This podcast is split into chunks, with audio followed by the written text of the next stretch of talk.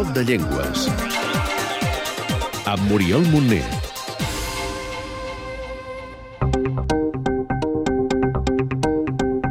Nom, Maori, àrea geogràfica, Nova Zelanda, Illes Cook, nombre de parlants, 175.000.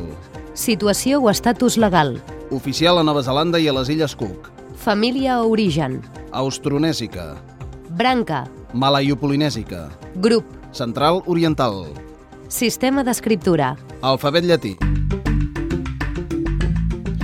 Iniciem avui el capítol de les llengües d'Oceania amb una de les més parlades en aquell remot continent, el maorí, la llengua dels indígenes neozelandesos.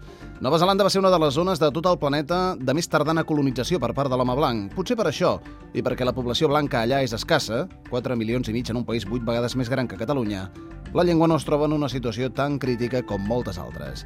Tot i que es considera una llengua amenaçada, els seus 175.000 parlants creixen i cada cop disposen de més eines a favor. Oyas Bankingui, representant de la llengua i la cultura is La llengua maorí està creixent molt i molt ràpid perquè ara tenim emissores de ràdio en maorí per tot el país. I hi ha tribus que creen les seves pròpies emissores. I també tenim una televisió maorí centrada en ensenyar la llengua als més joves. Young ones, the Maori language. Fins i tot hi ha altres col·lectius lingüístics que s'emmirallen en com els maoris mantenen la seva llengua. It's uh, coming very alive. Maori. Està Maori molt viva la llengua.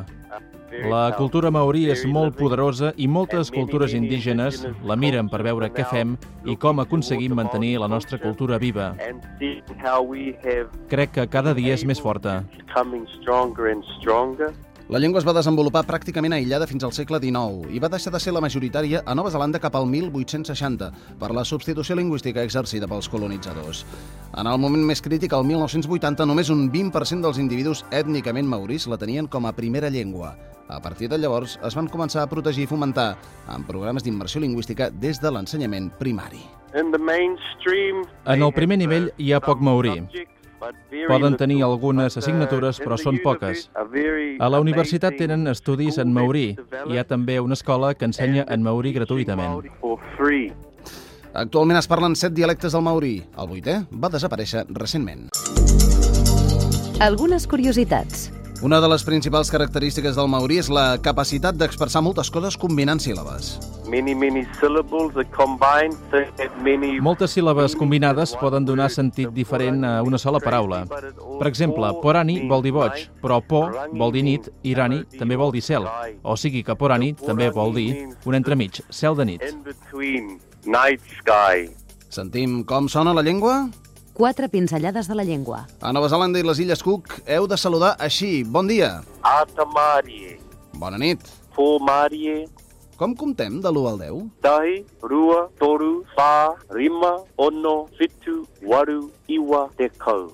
I si us enamoreu d'una noia indígena, aquí us diem com es diu T'estimo. He taku aroha. Doncs moltes gràcies. Kia ora. Ens escoltareu més en maorí? escolteu el programa Do de Llengües cada setmana a Catalunya Informació. Whakarongo ki te reo rangatira o te ao. Ki roto te karere Catalunya Information. Per saber-ne més, Podeu visitar els webs linguamont.cat, gela.cat, etnolog.com i linguislist.org. Cada cop que desapareix una llengua, perdem una manera d'entendre el món, una manera de viure'l i de descriure'l. Cada cop que desapareix una llengua, ens fem més pobres, més homogenis i perdem una oportunitat d'enriquir-nos amb l'aportació de l'altre. aquest espai es fa amb el suport de Linguamont, Casa de les Llengües.